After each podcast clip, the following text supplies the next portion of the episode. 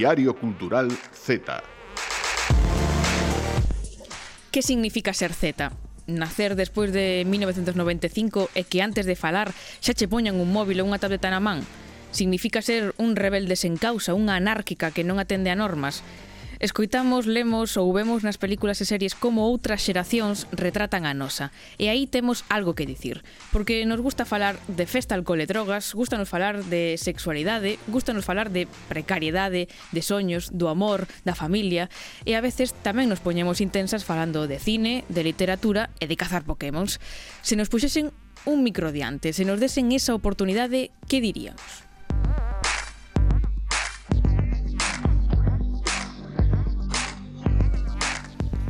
Bos días, boas tardes, boas noites Dendo Estudio Multimedia da Radio Galega Nos poñemos os micros e temos a sorte tamén de escoitar a xente fantástica cada semana Comezando por Silvia López e por Marta Coira Hola, Hola moi boas tal? Canto piropo así para comezar, ah, que sí, ¿no? como, Ojalá todos os días así, todo o rato piropos E non é todos os días Prestará. así Que no, baixe, solo eh, é unha vez a semana, pero Ah, unha vez a semana, ah, vale, Pero vale, podría vale. ser todos os días. Vale, vale. Claro. Por a miña parte que non sexa, eh, que Non queremos que baixe o nivel que iso é imposible. Que mm. nivel? O, o dos piropos, digo. Ah, vale, vale, vale. Nada, pensei que era o nivel do programa. Eso Tampouco. Xa é es, cosa, pero eso está altísimo. Entonces... Está, está altísimo. Eh, e o nivel do Pokémon está altísimo tamén, porque eh, xa xogaches. Xa xoguei. Eh, a xente que me escoite igual me mata, porque a miña opinión é favorable. Me encanta, me fascina estou viciadísima. É un problema, ter unha opinión favorable. Eh, home, todo o mundo di que o peor xogo do ano e dos últimos anos que está fatal. Ten moitas cousas moi malas e ten outras cousas increíblemente boas, pero bueno, un xogo que, que atrape como está atrapando este, imposible. Dixetes que ibas facer unha oda o Pokémon. Ese era o. Comentaremos, comentaremos as cousas malas, pero tamén entre tonta, todo o malo que di a xente, todo o malo que se ve, moitas cousas boas que cando a xente me pregunta, eu digo, ya, pois pues a min gustame. E quedanse sorprendidos. entonces hai que contalo. Claro. Por suposto. E Silvia, nos aquí abrimos os micros todas as semanas para a xeración Z, pero non é suficiente, teríanse que abrir moitísimos máis. Sí, moitos, moitos máis. Iso foi o que pensaron un grupo de rapaces de Menorca que din que son xente moza grabando xente moza simplemente sendo mozos, falando sin pensar o que din, e o que sai dai é moi interesante, así que oximos coñecer o que fan.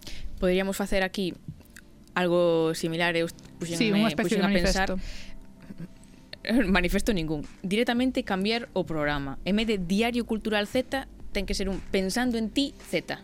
A favor. Que, o sea, o, o que fai Marcial Mouzo todas as noites de abrillo o micro a xente e que fale nos aquí que nos chamen os celtas Iso sería mo, mm, moi guai, a verdade. Sería increíble, a favor, estamos tardando. Estamos tardando. O nivel de marcial non sei, iso temos. Non, non, o que pasa é que xa nós teríamos que ter un grau en psicoloxía, que non é o caso, uh -huh. eh, somos xornalistas e non damos pa, pa tanta cousa. Xa tanto non, que non nos pidan. Non, non. Pois de todo isto falaremos na segunda metade do programa, porque antes imos escoitar as nosas colaboradoras, a Tamara Andrés e a Ana Abad, coa que comezamos cumbia.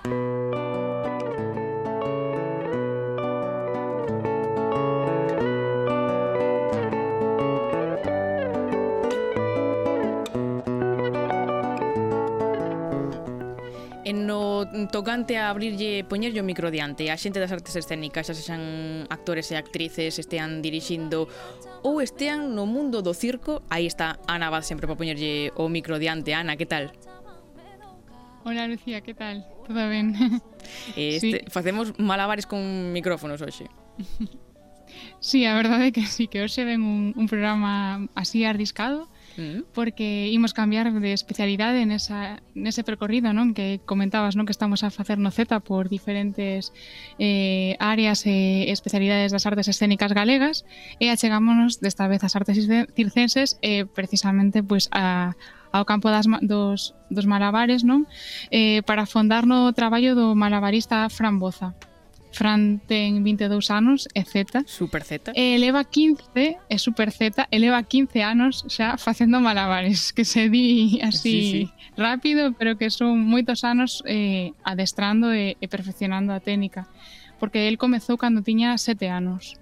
Bueno, eu actualmente son malabarista profesional, traballo facendo o meu número de malabares, o meu espectáculo, eh, depende de, de onde me chamen. Os meus comezos remontaríase ao ano 2007, eu tiña sete anos, eh, vexe un circo vexe un circo que venga un pouco cerca do, do que eu vivía, eh, quedou me abraiado, e o número, un dos números que máis me gusta é o de malabares. Eran malabares de luz, eu, bueno, era un neno e, e quedei abraiado. E entón decidín que quería dedicarme ao circo e comecei co tema dos malabares por, por dúas razóns. Unha delas é que, que iso, que abraiárame o número dos malabares era unha das disciplinas que máis me chamaba a atención e despois porque tamén era, era moitísimo máis fácil comezar nesta disciplina que noutras eh, disciplinas circenses sen, sen ter unha escola e sen ter alguén ao lado, non? Por tema de risco e, etcétera. E dentro do campo dos malabares, Fray foise especializando e centrando nalgúns elementos, a pesar de que el pois abrangue unha maior variedade. As especialidades que, que levo a cabo agora mesmo serían principalmente mazas e, e pelotas. Tamén fago con aros, tamén fago algunhas cousas de diábolo, etc. Ainda que, que principalmente os, os meus números, os meus espectáculos predominan mazas e, e as pelotas. Eh, e logo de participar tamén en diferentes proxectos, Fran estreou este ano o seu primeiro espectáculo propio, Malabarabilidades, unha peza así cun nome complexo pero fermoso, sí? eh, que é unha peza pois, para todos os públicos, que contou coa dirección do outro Fran, neste caso Fran Rey, uh -huh. eh, que estivo a ter moi boa acollida en todos os festivais polos que xa estivo a pasar, non? Estivo na Mostra Internacional de Teatro Cómico Festivo de Cangas, estivo no Festiclown de Vila García de Arousa, e estivo tamén no, no Fío de Carballo. Bueno, Malabarabilidades, eh, esta peza con este nome tan difícil de pronunciar, É unha, é unha obra que nace da dirección de, de Fran Rey, un pouco da idea de Fran Rey. É unha, unha, bueno, un espectáculo sinxelo no que en base á temática de, de un posto de tiro eu en certo momento comeza a facer unhas rutinas de malabares e algunhas mostras breves de, de outras disciplinas circenses Creo que un espectáculo que non se fai en absoluto longo, eh, dura aproximadamente 50 minutos, eh, ali onde vou a acollida bastante boa e a xente, bueno, pois pues, sae contenta do espectáculo. E agora, Fran, pois pues, segue con, con este espectáculo Malabarabilidades que a verdade é que un pouco que decías antes, sí, non, sí. Lucía, de facer malabares coas palabras tamén porque sempre parece como que se che vai a lingua sí. o, o pronuncialo, non? Eh, aínda que eu preguntáballe, non, se tiña tam, algún outro proxecto, non, en marcha, e díxome que non tenen así ningún proxecto oficial, aparte de de malabarabilidades, pero que sí que está aí el xa con algunhas ideas e eh, algún novo proxecto e tamén quiso eh, dicir, non, e deixar aquí eh, na, no Z, non? Sí. Pois que está aberto a calquera posibilidade, non, de colaboracións ou de propostas que lle poidan que lle poidan chegar. Actualmente non estou traballando de forma oficial en ningún proxecto, aínda que sempre que me ven aspiración escribo, teño varias ideas en mente, pero bueno, eh, estou vendo por agora a forma de levalas a cabo, cal podo levar a cabo antes, eh, son compatibles entre sí, eh, nada, iso, eh, estou aberto realmente sempre que coincida coa, coa miña ética a, a calqueira proxecto, eh, encantado de participar en proxectos, sobre todo relacionados co mundo do circo ou con outras, bueno, con outras disciplinas que tamén me gusten e con outras temáticas que tamén me gusten. Eu estou, estou aberto a, a novos traballos e sempre irán xurdindo novas ideas. Ainda que iso, sí que de forma oficial agora mesmo non teño non teño ningún proxecto en marcha.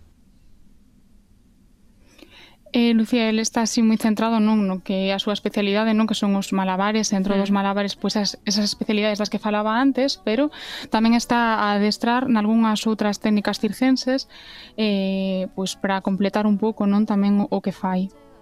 Actualmente o que o que traballo, bueno, o que levo como número cando me piden un número de circo, eh, son malabares, aínda que tamén estou traballando agora mesmo, eh, bueno, estou adestrando lanzamento de coitelos, eh, sí que o básico de, de rulo americano, de, de alambre, eh, de algo de aéreos, pero moi básico, sí que, sí que fago.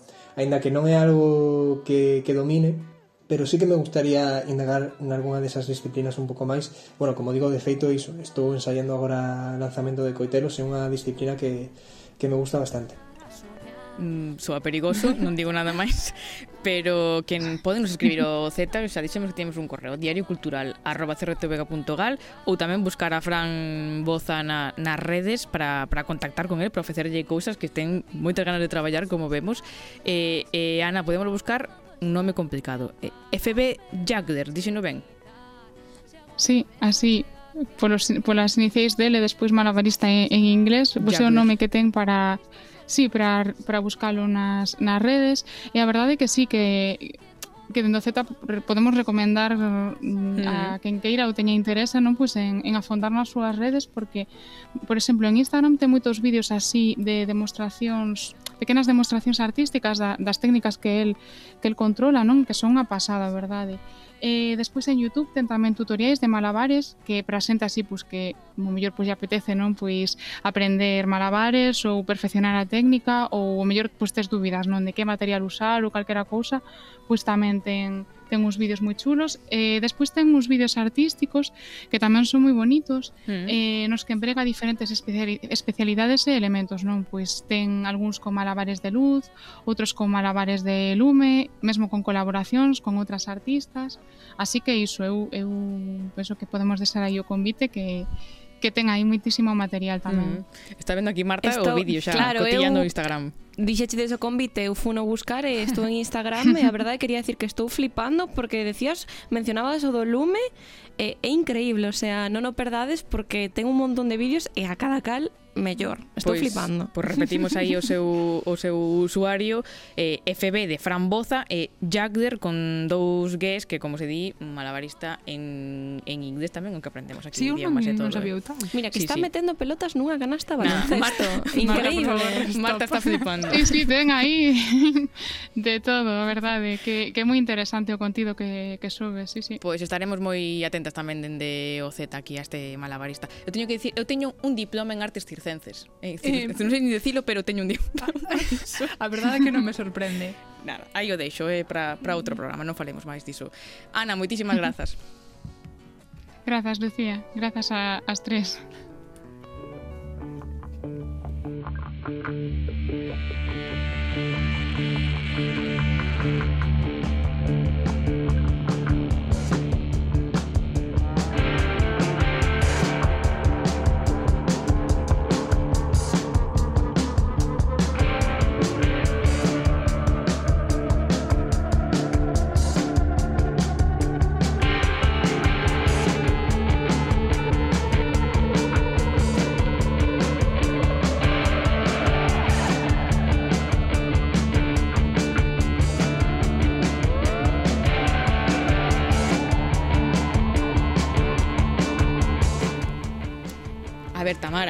acaba de peinarte, que temos que empezar xa. Colócome. Pois estilo nunca falta. Estou. eh, benvida de novo, encantada de, de saudarte outra vez. Moitas grazas, Lucía. Ainda que hoxe teño que pedir desculpas eh, de antemán. Vale, sí, mm, sempre, eh? A mí sempre hai que pedir disculpas, non, dar porque vou, escoita, vou a faltar ver. a miña palabra. Eu dixen aquí que eu viña falar de autorías novas ou de editoriais novas, un pouco periféricas, pero hoxe non vai ser o caso. Mm, imos falar cunha autoría nova, pero unha autoría que ao mesmo tempo é xa referencia. Pero iso está guai. Iso está, está moi guai porque mm, a ver, os tetas non estamos son nas marxes, eh, esquecidos, esquecidas no, do, do, neste dos caso lectores, non. das lectoras, neste caso non está nada nas marxes, tamén hai non. que eh, dicilo e traer estes nomes a, ao programa. Premio Francisco Añón, Xuventude Crea, Premio Minerva, Premio Xón Carballeira, Javier Morote, Premio de Xornalismo Lueiro Rei e agora engades e nada máis e nada menos que o Nacional de Poesía Joven Miguel Hernández, así que temos connosco a Ismael Ramos. Hola Ismael. Hola. Olas catro, que tal? Que tal, Hola, Como estás? Esa é a primeira pregunta. Moitísimas grazas por cedernos un anaquiño do teu tempo estas semanas que entendo que están a ser ben intensas. Pois efectivamente eh, estou sobre todo canso. Podemos imaginar. Sí.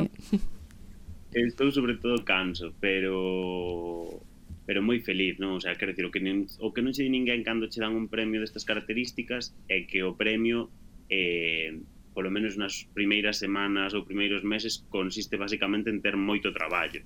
Eh, afortunadamente eu eh, pertenzo a unha familia moi ben insertada no capitalismo salvaxe e entón vexo o traballo como unha bendición.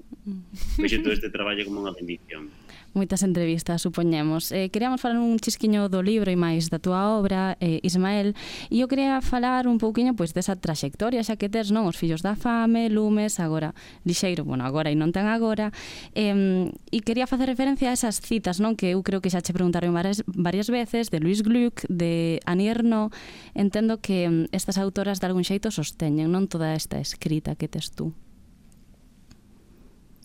Sí, eh, bueno, eu sempre digo, bueno, sempre digo, estás eh, como moi ben dixeches antes, eh, estou tendo moitas entrevistas, entón estou tendo a oportunidade de pensar en cousas nas que non pensara nunca en absoluto.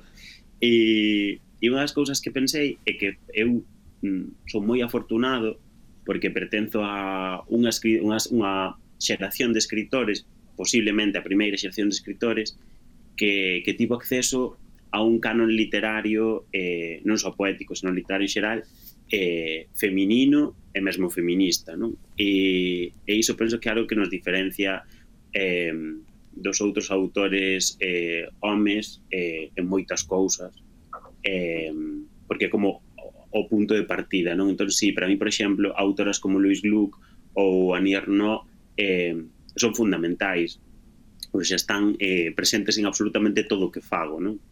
pois no caso de Gluck a reinterpretación dos mitos, a a limpeza non do, das súas imaxes, das súas metáforas, no caso de Annie a indagación no, no persoal, o tratamento de, de materiais como diario, caderno, non? que son materiais que a mí me interesan moito tamén, cos que traballo moito nos meus libros, e, e si, sí, elas dúas están aí pero últimamente teño pensado moito neste, nesta especie de, de privilexio do, do noso tempo que é que eu tivese a sorte de acceder xa a un a un canon onde onde as mulleres, onde as autoras eran visibles, non? Penso que iso mm. marca unha diferenza moi importante falas moito das autorías que sosteñen un pouco os teus libros, non? De todas esas lecturas que hai detrás eh, e tamén falas moito de, de amizade. De feito, o final de Lixeiro dis que o libro se ia titular provisoriamente o libro dos amigos. Falas tamén un chisquiño disto porque eu creo que as nosa, a nosa xeración literaria non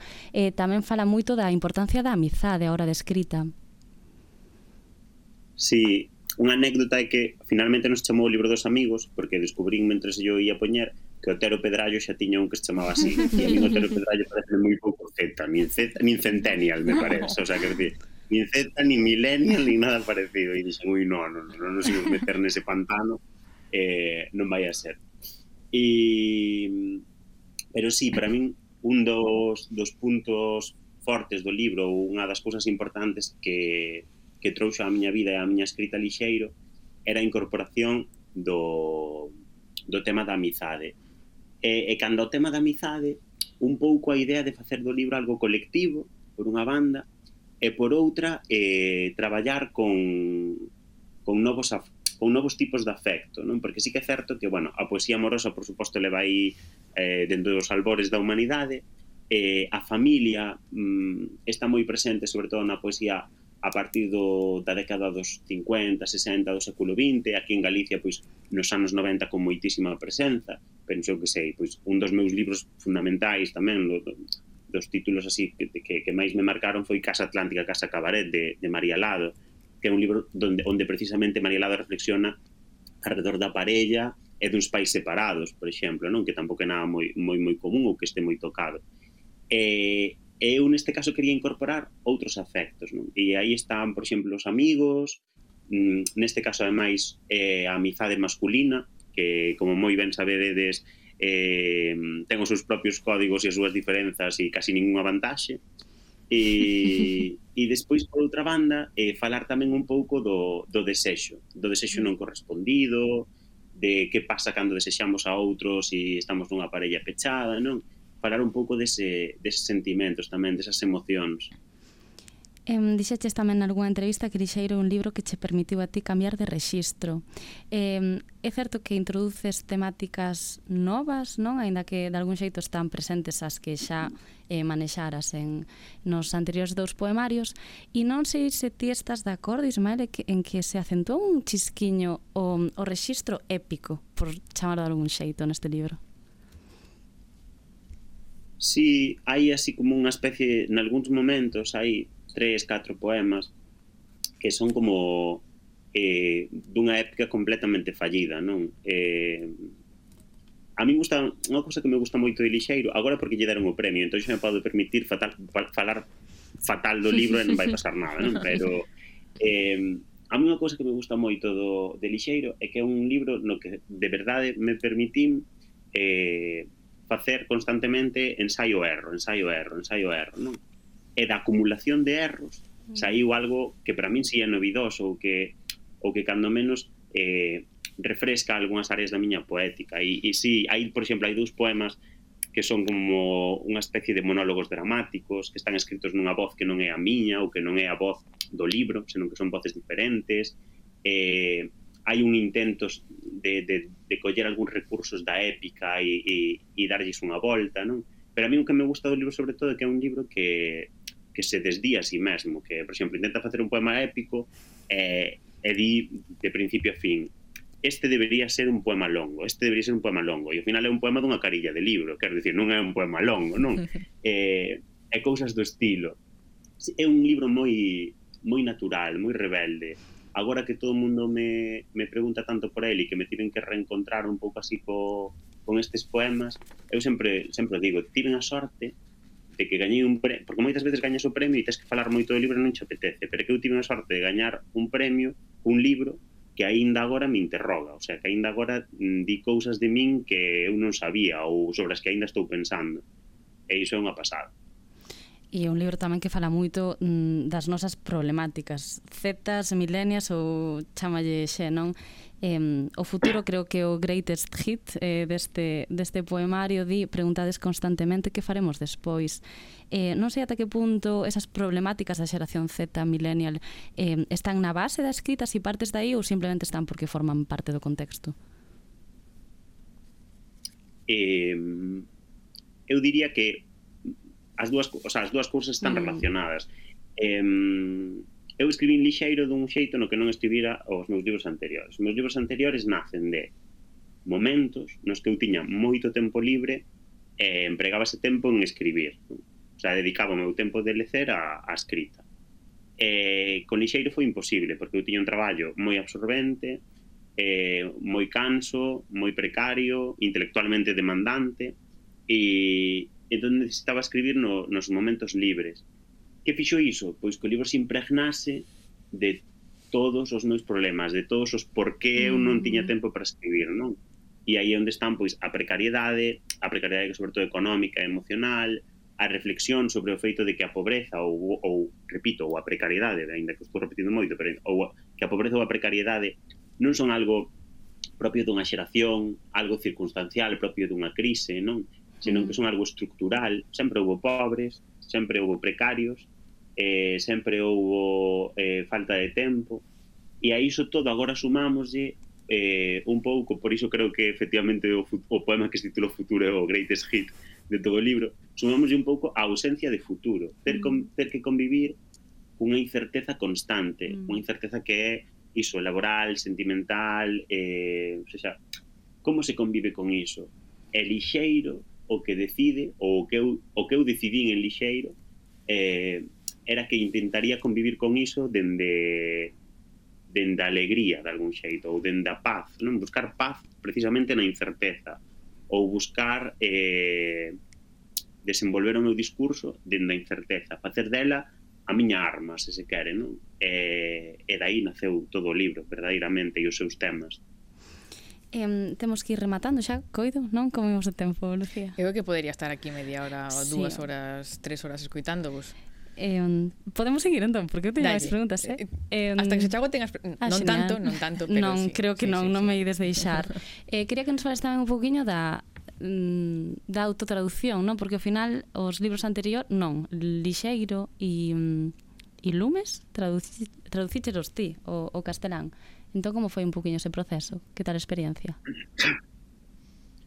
Eh, foi un proceso chulísimo. Eu sempre digo que foi é das grandes sortes que tiven eh, decidirme pola autotraducción. Porque descubrín que a autotraducción é como unha unha segunda revisión. Hoxe pola mañá mm. preguntábame nun insti, estive no Instituto do Milladoiro, e, e preguntábamos alumnos precisamente tamén por isto, como era autotraducirse. E eu digo, é como se levases moito tempo nun cuarto, que é o teu cuarto, e de repente tiveses que preparar o teu cuarto para que entrase alguén novo mm. que és ti, pero ven de outra parte. O sea, és ti vindo dun viaxe que o viaxe pode ser o viaxe que queiramos, non? E, e realmente é unha é unha experiencia chulísima, non? É unha experiencia na que aprendes moito, despois así a nivel máis técnico, pois eu que sei, ves moito, ves como está, como deconstrues os teus propios poemas, non? Ou sea, ves que fallos teñen, como como se sosteñen, é moi moi interesante, non? Despois, home, sí que é certo que a min o feito de autotraducirme ao castelán a maiores eh, ao principio xenar, xeneraba un pouco de conflicto agora eh, gústame porque é como casi unha cousa de vinganza non de estar empregando eh, pois iso, a lingua do inimigo, que diría, bueno, como cando escribe Chuspato, cando Chuspato di a miña lingua é o fascismo, porque porque medrou en castelán, non? E dicía, a miña mm. lingua é o fascismo. É casi como estar reventando o fascismo desde dentro, sabes? eh, non sei se nos podes falar un poquinho das lecturas que estás a facer últimamente ou que nos recomendes algo tamén para rematar, Ismael. Pois mira, eh, agora mesmo miro así pro lado porque estou aquí eh, efectivamente na miña habitación e así xa non me teño que inventar casa. nada, é real. Non estás de xira podo, xa. Claro, podo, claro, claro, podo dicir realmente que estou lendo. Eh, está me gustando moito unha poeta italiana que se chama Patricia Cavalli, eh, que, bueno, escribiu algo así como que eh, cos seus poemas non salvarán o mundo e despois pasa a explicar unha vez que, que os seus poemas non salvarán o mundo, por que non pasa nada se non salvan o mundo? Entón recomendo moito a Patricia Cavalli eh, porque non pasa nada se non salvamos o mundo. O sea, agora que hai moita obsesión, sobre todo na nosa xeración, por salvar o mundo, non pasa nada se non salvamos o mundo. Eh, ou se a maneira, ou quizáis a máis nunha maneira de salvar o mundo, non? Eh, iso, recomendo moito a, a Patricia Cavalli que me, que me, que me chamou moita atención, que me gustou moito, e despois estou relendo a Amy Hempel, que é unha autora americana de relato curto, que a mí me gusta moito, moito, moito, creo que das cousas que máis veces relín, eh, que é da mesma xeración que Raymond Carver e así, e fai un relato minimalista, moi guai, bueno, a mí que eh, ese rollito así americano medio, medio americano, un pouco tamén xaponés isto de non pasa nada, sabes, estás lendo durante 20 páxinas e non está pasando absolutamente nada, pero non podes deixar de mirar, sabes, unha cousa moi moi chula. Pois con estas recomendacións por min acabamos. Parabéns, que non sei se cho dixemos. Parabéns, Moitos parabéns. Podo facer unha versión da túa pregunta? Cual? Da última? De, de recomendar sempre lle pides a xente que recomende sí, libros sempre. podo facerche unha versión? Sí. Ismael, podenos recom recomendar un libro para alguén a quen odies? Wow. Sí. tus, tus, tus irlle na cara e despois que lea. Uh, sí non se lle na cara, atrevida, non eh? sobre todo porque tiven gripear recentemente, entón pusirlle na cara e, e despois de pusirlle na cara que lle recomendaría, que libro lle recomendaría a alguén que odio? Eh, non sei, que quero pensar algo pois mira, non sei, ter que ler en, non lin nunca nada disto, non? pero ter que ler en bucle as memorias de Albert Rivera, sabes, unha cousa así. Por exemplo, un gran, gran libro, non sei a partir de agora queres que fagamos esta pregunta entón? Cambiámola. Non, non, a de ah. para nós, para apuntarnos os libros a, a que fas ti, pero logo se, se te apetece así. Ben, podemos combinar. Tirar un pouco de un pouco de bif nunca ven mal. Moi ben. Ismael, parabéns, moitísimas grazas tamén por estar no Z. Moitísimas grazas a vos las catro. Un placer. Moitos azos. Moito traballo. Graciñas, Tamara. E grazas, Tamara. Recolle, recolle. Vai recollendo. Eu vin moi documentados, eh? xa. Xa te vemos. Grazas, rapazas.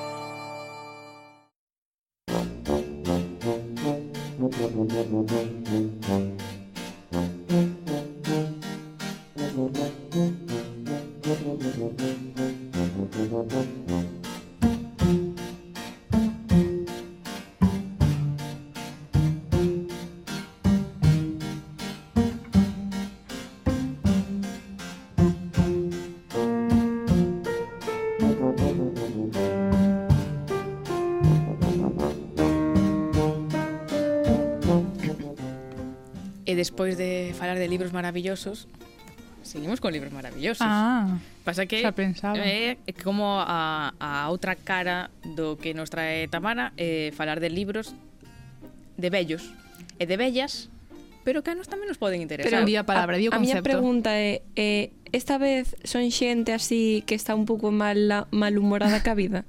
eh, no, non. Isto ah, no. é novo, entón. No. En novo rexistro cambiamos. novo rexistro, xa non, xa non estamos fartos da vida das artes en xeral. Mm, imos falar de, de clásicos con Z. Vale, que pensei que non o dicías. no, eh, sí, porque falamos, claro, dun clásico mm, con Z dos anos eh, 60 fai pouco, recomendado para futuros críticos musicais, eh, máis alá desas polémicas de insultar a músicos de toda condición. Pero hoxe, aproveitando que non está Jesús Silva para replicarme, pois podemos falar dun clásico tamén dos anos 60 para aspirantes a cineastas. Vale. E a ver, se pensades en nomes como, mm, eu que sei, posibles mellores directores da historia do cine, que se vos ocorre? A eh, isto como un tren de TikTok no que a xente pois eh, era super cinéfila e había unhas persoas que me representaban que decían eh, mi cineasta favorito, el de Ava, mi actriz favorita, la de Ava. Pois pues, sí. pois pues eso. Estaba recordando iso outro meme Dios, teño que pensar porque non me está vindo ahora a cabeza, pero é algo moi semellante a iso. Xa, se se me acorda xa vos lo digo. Na, é igual. Non se vos pode falar de nada. eh, na, eu que sei, directores de cine directoras un, un Stanley Kubrick, un Ingmar Bergman, eh, un Agnes Varda, por exemplo. Vale, sí. Mm, gusta, gusta, sempre, gusta nos Agnes Varda, sí. por suposto. Pero é que houbo un director, isto non sei se é opinión ou información ou que sexa, un director que, que marcou un antes e un despois na, no cine como arte e como industria dende o corazón de Hollywood, e ese foi Alfred Hitchcock. Supoño sí. que sí. Supoño que dará razón, tal, igual. Estou imaginando cunha, como unha persoa cun monóculo Xa sabes que che digo habitualmente. sí, así sí. estamos. No, pero sen dúbida sí que un dos máis recoñecidos é eh, Sí, sí, unha cousa moi outra. Ti coñécelo. Viches algunha peli del? No. Sí. Non me avergoño. A dos corvos. No. Mm, pois pues os, os paxaros, no? sí. de toda a vida. Eh, pois nada, Hitchcock é o protagonista do clásico de hoxe, que é un libro que se chama El cine según Hitchcock, e que non escribiu el, sería moi arrogante pola súa banda escribir un libro que se chama El cine según Hitchcock. A ver, tamén se estila, eh, en segundo que eh, ámbitos. Sí, sí, además o señor arrogante creo que era uh -huh. un pouco, non? O autor é François Truffaut, que é outro outro uh -huh. director de cine. Aquí teño o libro, eh. Toxe. Moi ben. Está aí pesado. Bravo. Ben, que se vexa ben. Pois e, imos falar un pouco do, deste libro Situámonos neses anos 60 No que a Nouvelle Vague que está nacendo en Francia Con nomes como o propio Truffaut Con Jean-Luc Godard e outros cineastas Que comezaran escribindo na revista Callers du Cinema Que é un pouco a versión francesa da cuarta parede uh -huh. eh, A versión francesa é, eh, é eh, máis pequena, sí. máis um, precaria, se, se queremos da cuarta parede. Precisamente, traballando como xornalista, é cando Truffaut coñece a Hitchcock por primeira vez. Vai no entrevistar en 1955 para Callers, e o día da entrevista era inverno, isto é importante porque mm, Truffaut vai camiñando, despístase e cae nun lago conxelado rompe o xeo literalmente porque se enchoupa de arriba abaixo. Ese chiste, rompe Lucía, ese chiste. Rompe o xeo con, con Hitchcock tamén. Parece película, pero é certo e además a Marta pareceu pasou algo parecido esta semana. Sí, eh, bueno, sí, eh, fe. tamén teño que decir que me pasou algo aínda máis parecido. Esta semana simplemente caeu un chaparrón, eh, molloume e empapeime. Chego aquí como un pingo. Sí, e agora estou un pouco enfermiña, pero cando era pequena pasoume literalmente o mismo. Estaba xogando a saltar charcos e non o saltei e caí nun charco. Entonces eso parece un pouco máis a experiencia esta de... pois pues imagínate que estás saltando un charco, non o saltas e do outro lado está, eu que sei, un, lago. un ídolo teu un dos rapans ou un algo alguén, alguén, alguén, One Direction directamente pois pues nada eh, o que si sí, a Hitchcock pois pues, de caer ben o raparigo eh, francés, Home, esas situacións pois. Pues. sí, e acepta ter unha serie de entrevistas con el anos máis tarde. En total, 50 horas de conversa eh, que derivan logo en 1966 neste libro, que é un pouco un repaso pola carreira de Hitchcock título a título dende a súa primeira película O Xardín da Alegría, no que pois os dous van analizando os guións, os planos, as inspiracións, as actuacións, o método de dirección, a montaxe, todos os aspectos que podemos imaginar do, do cinema. E como o libro é basicamente unha entrevista de 300 páxinas, imos reproducir un fragmento. Sí, Tedes... disto estábamos avisadas, non estou preparada. Idesme a axudar porque preciso da vosa colaboración Silvia, sí, como actrices. Ti. Unha que faga de Hitchcock e a outra de Truffaut, eso decididelo vos. Eh, non mintas, decidichelo ti Silvia, isto é para a radio. bueno, pero con cousa non ten que ver coa outra. Pois pues ti és Truffaut e Marta é Hitchcock. Teño que poñer esa voz que me dixache que tiña que poñer. Eh, sí. É que non sei se me vais a ir. Ti intentou. Vale. Eh, Eh, como era? Como mo describiches a, a voz que sabes, a voz como directora? de francés. No, pero non dixeches así. Non, non recordo. Ti dalle, eu vouche corrixindo. Señor Hitchcock, así gusta. A ver, os franceses é sabido que acaban as palabras que as palabras teñen, teñen un acento na última. Sí, é que últimamente a Lucía falle moita gracia escoitarme finxir que sei francés. Mm, en capítulos anteriores. Sí, María, María Casagé. Ahora, dai. Señor Hitchcock. Así, ¿no? Sí. Marta, por favor, un pouco de seriedade. A ver, porque... o diálogo, comezamos. seria. Señor Hitchcock, esta maña dicíame que o turbaba un pouco isto de remover tantos recordos e que tivo soños axitados. Por outra parte, algúns filmes seus como Vértigo ou Psicose parecen soños. Quixera saber se vostede soña moito. Non moito. Esa voz aguda. A ver, Marta, es Hitchcock un señor gordo, grande, a ver, gordo, a ver, Pero é que gustame imaginalo falando agudo precisamente vale, por iso. Nada, aquí as actrices revelánseme. no, a ver. A eh, quen contratache? Non, mo, non moito, algunhas veces e os meus compa e os meus sueños son moi razoables. Nun deles estaba en Sunset Boulevard esperando un deses taxis amarelos e o taxi pois non aparecía por ningures, ata que me din conta de que os amarelos son posteriores a 1916. Estaba tendo un soño de 1916, non actual case un soño de época. Admite que hai unha dimensión onírica nas súas películas? Son soños diurnos, poderíamos decir. Nada, xa se lles perdeu o acento francés. Nada. Eh, no. Isto, é que, no, isto no, é un fragmento no. real que aparece no libro, tiveron Métenos esta conversa. En cada cousa, de verdad. Pa que, está, pa que estades este programa? Non sei. Pero sí, unha conversa pois pues, eh, perfectamente normal que teñen os dous que poderíamos teño ter que relela, de teño nos. que dicir porque non, non te crees que me moito con este teatro. Falan, Pero nada. Falan de soños, de os soños sí, inspiran as súas películas nada, nada. Sí, sí. É, é igual, é igual, pasamos, pasamos.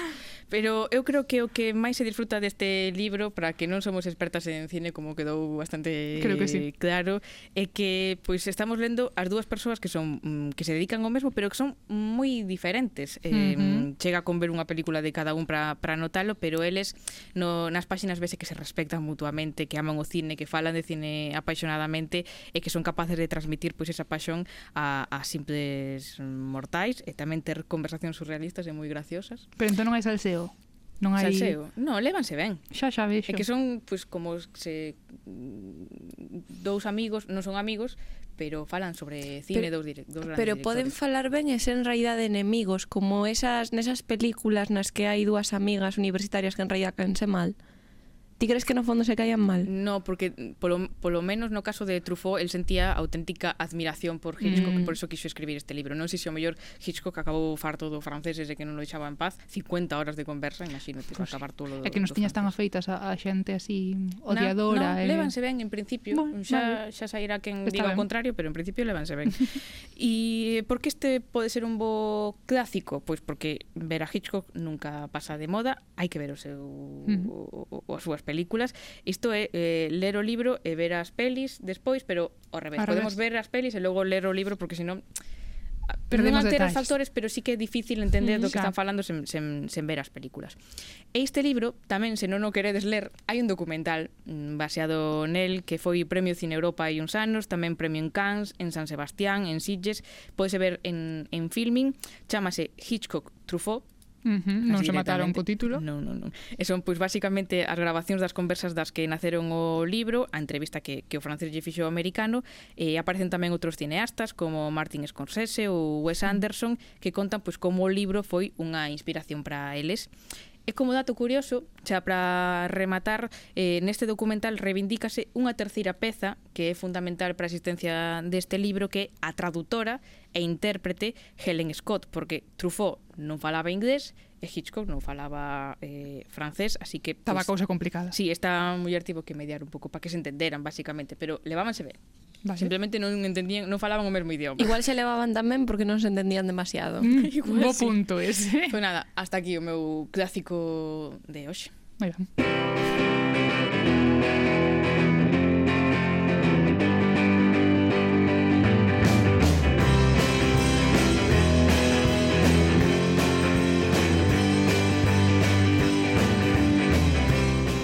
a sintonía de Silvia Que significa que teño xa a oportunidade de romperlle todo todos os esquemas, todo o guión e estropear A ver, supoño que é xusto despois do que pasou na túa. Mm, eu creo que sí, eh? Pero se o fixemos genial, esa interpretación digna dun Óscar. Eu creo que está dirixindo Hitchcock esa conversa e retírase xa, di, eu xubilome antes de rematar É culpa esta... túa por ocorrerse tal cousa.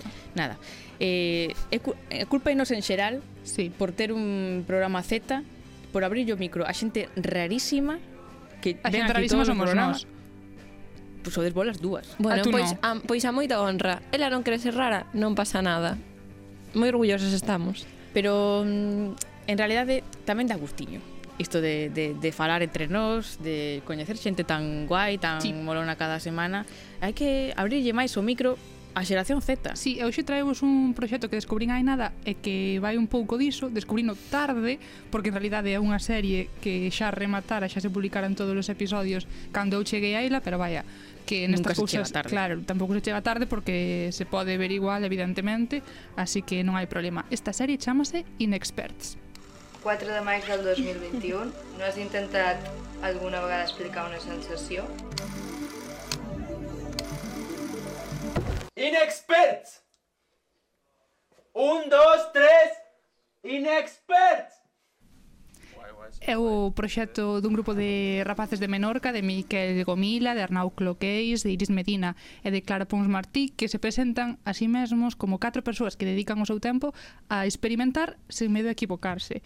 Que xa é moito iso, tamén vos lo digo. Din que son... O que facemos porque... nós aquí?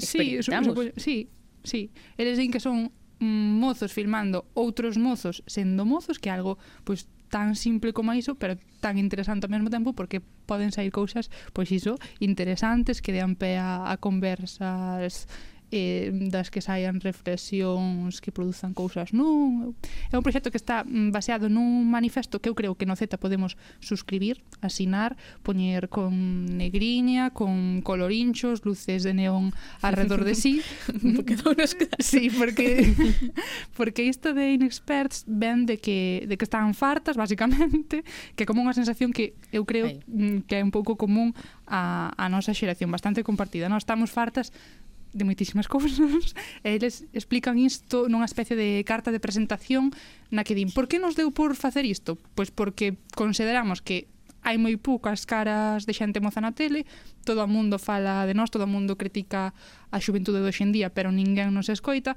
entón din, hai programas que teñen a voz dun experto, un home con pelo gris, porque sí, son homes na gran maioría, un home de pelo gris que dá a súa opinión experta baseada no seu suposto coñecemento experto, e o que di, vai a misa.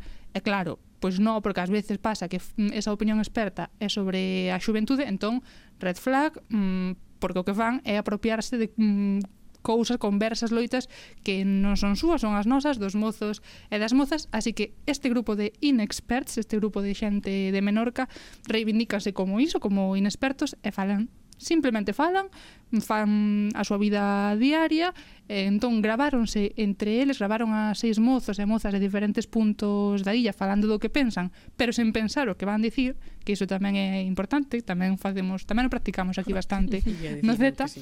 buscaron seis realidades diferentes, seis protas distintos, e sen censura, veña, para diante e conversan pois sobre o que nos proia moitas mozas. Sí, estudiat unha carrera, estudiat unha carrera que desgraciadament, no... No t'agrada el periodisme? no.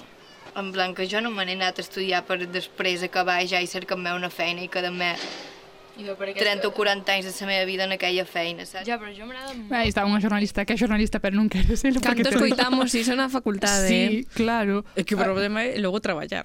Correcto, é que é o desencanto iso de, o que produce ter uns estudos que supostamente eran o camiño que todos debíamos seguir, ir polo rego camiño marcado, pero que se cadra despois pois acaban por non convencernos, por non gustarnos, é iso, é traballar, traballar, traballar, é que pasa co resto de intereses, co, co resto de soños, por que tan que ir todo tan por ese rego? É, é que, eu creo que temos que facer isto aquí, e ir a, a nosa xeración, a nosa promoción e preguntarlles, porque Isto que acaba de dicir esta muller representa o 90% da xente que estudou conosco.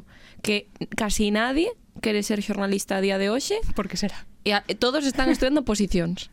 É verdade, hai unha morea deles. Eh, iso por non, desviar, mm, por non desviarse tampouco demasiado do que marca o, o sistema, porque realmente o que temos é ganas de deixalo todo de coller unha maleta de marchar. Somnis en tenc moltíssims. Objectius també en tenc moltíssims. Que pugui complir no en tenc tantíssims. Quins somnis no pots complir? Quins somnis? Tant tens tants? Saps què faria jo? Agafaria, ho deixaria tot, m'enduria una maleta. Això és molt idíl·lic, això. No és idíl·lic, Pau. Vale, sí, és idíl·lic vist així, perquè bo, ho veig ho com un somni impossible, que és el que m'has demanat. Aguantar, però per poder viatjar... L'altre. Tu has de guanyar. Vale. Pau, estic fins os uvaris de que tothom a ven que rollo. Eu creo que é sintomático que o feito de que esta conversa non nos Este é a rapaza a mesma de antes? No, é outra. O é... é igual, son moi no, fan no, no, de todas. No, é a mesma, é a mesma. Que me sí, esta é a mesma. Logo escoitaremos outra máis, pero sí, é que está esa sensación, a precariedade, o futuro, a incerteza, son temas que están moi seguido nesta serie que poderíamos decir que acostumista, porque xa vedes que estaban falando entre eles, pois unha está sentada cos amigos, os outros están se vestindo e poñendo a roupa para ir facendo o deporte, vai, que están facendo a súa vida diaria, pero están estes temas que tamén falamos, por suposto, a xente da nosa xeración con naturalidade, pois iso, dunha conversa entre amigos, entre amigos inexpertos, pero en primeira persoa, porque somos que, que nos sufrimos. E que sabes que imaxe me está vindo non de, de, de, de falarnos e de escutarnos a nos mesmas a nosa xeración, hmm. senón cando outros falan da nosa xeración é como cando estás vendo un documental de gorilas na televisión. Sí. Están falando dos gorilas. E os gorilas que opinarán destas cousas que opinan os, que, que din sobre eles? Es, Ui. Este xiro non me Nada. non, non esperaba... Hai que reivindicar os dereitos dos gorilas. Sí, sí, non sei, eu estou a favor, pero vou facer como se non... Vale, sigue. Escoitara iso porque no, non, non sei por onde tirar. eu só ia lembrar agora, iso que dixo mm, Ismael Ramos, de que non pasa nada por non salvar o mundo, que a veces é como que nos frustra moito, non? Esa uf, imposibilidade de amañar todo o que está pasando. Eu xa non que é moito... pensado, eh? Xa, pero sí que non, non che pasa que jolín, ves tantas cousas mal, tantas cousas que cambiar neste mundo que aínda que quixeras e puideras non saberías por onde claro, empezar. Sí, sí. Pero o gran paso é aceptar que moitas cousas non dependen de nós e que non pasa nada por non facer nada. Xa. Temos que ter un dereito a estar tranquilos. Se o sei, pero iso non quita que frustre. Diso tamén falan.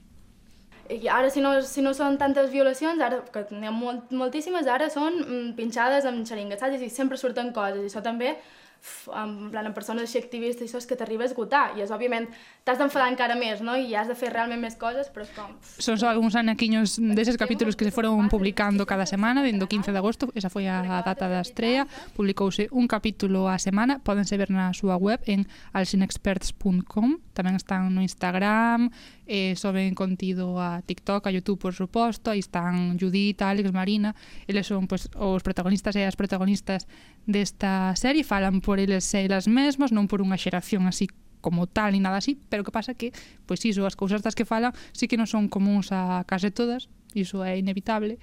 Entón, eu diría que tiñamos que facer así pois unha especie de, de manifesto no Z, non como a eles, que podría ser o resumo, estamos cansas de señoros, sí, mm, mm, estamos correcto. fartas deste sistema precario que nos afoga continuamente, Correcto. Suscribimos. Cansas mm, de que o traballo ocupe e inunde todo o noso tempo de vida, Tamén.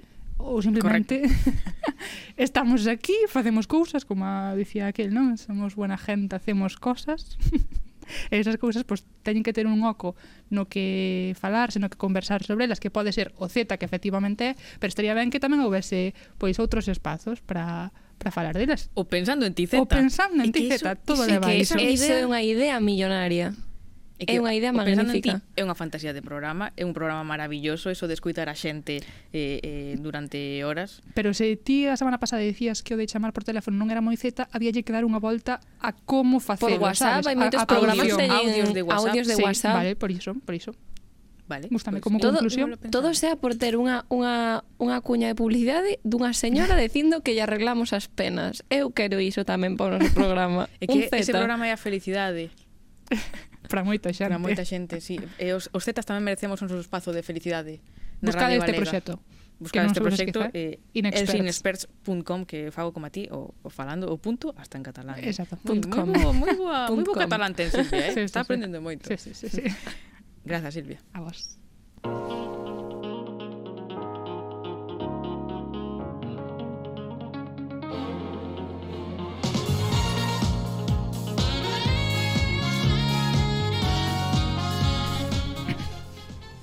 Eh, e para rematar, Ay, a cara de felicidade sí, que de, pon. A cara de felicidade de Marta que chegou un momento, chegou un momento de, de desmentir moitas, bueno, desmentir non, de ir máis alá de moitas acusacións. Xa sabedes que, que eu me poño moi aos Pokémon pasalle como os gorilas e os zetas, que a xente fala deles e eles non se poden defender. Claro, claro. Bueno, en este caso igual os que se deberían de defender son os de Game Freak que, que Mm, vale, to, esto que vou a decir vai a sonar moi mal e vai a contrarrestar moito o que diga despois, pero menuda fa, bazofia wow. sacaron ao mercado. Wow. No sentido de que, quero decir, sois un estudio millonario con unha saga longuísima de moito prestixio, con un anime, cun manga, con non sei que, con mil cousas, e non tendes tempo para acabar de facer un, un, un videoxogo xeito, por favor.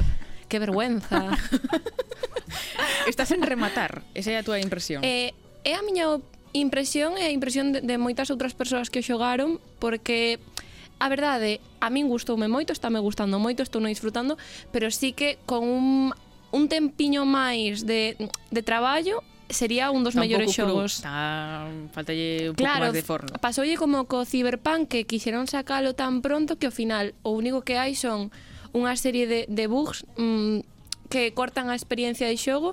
Bueno, eu tuven, non tuven a desgracia de ter tantos bugs como se mostran nas redes. a desgracia.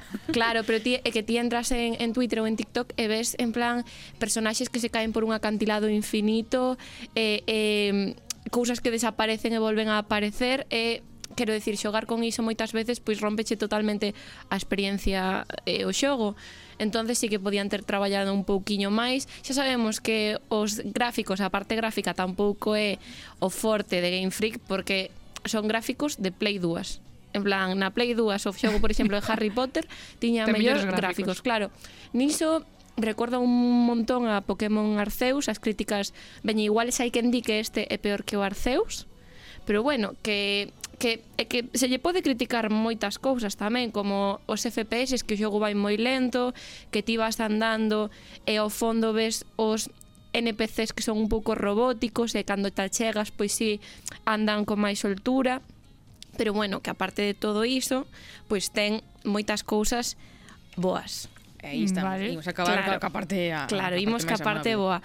Quero decir que, que animo a todo o mundo a que o xogue, de verdad que non é un desperdicio de cartos nin nada, polo que poida parecer e polo que estou dicindo. Son cartos, eh? Son cartos, claro, evidentemente. Concrétame, concrétame. Eh, pois depende de onde compres, son moitos cartiños, Silvia.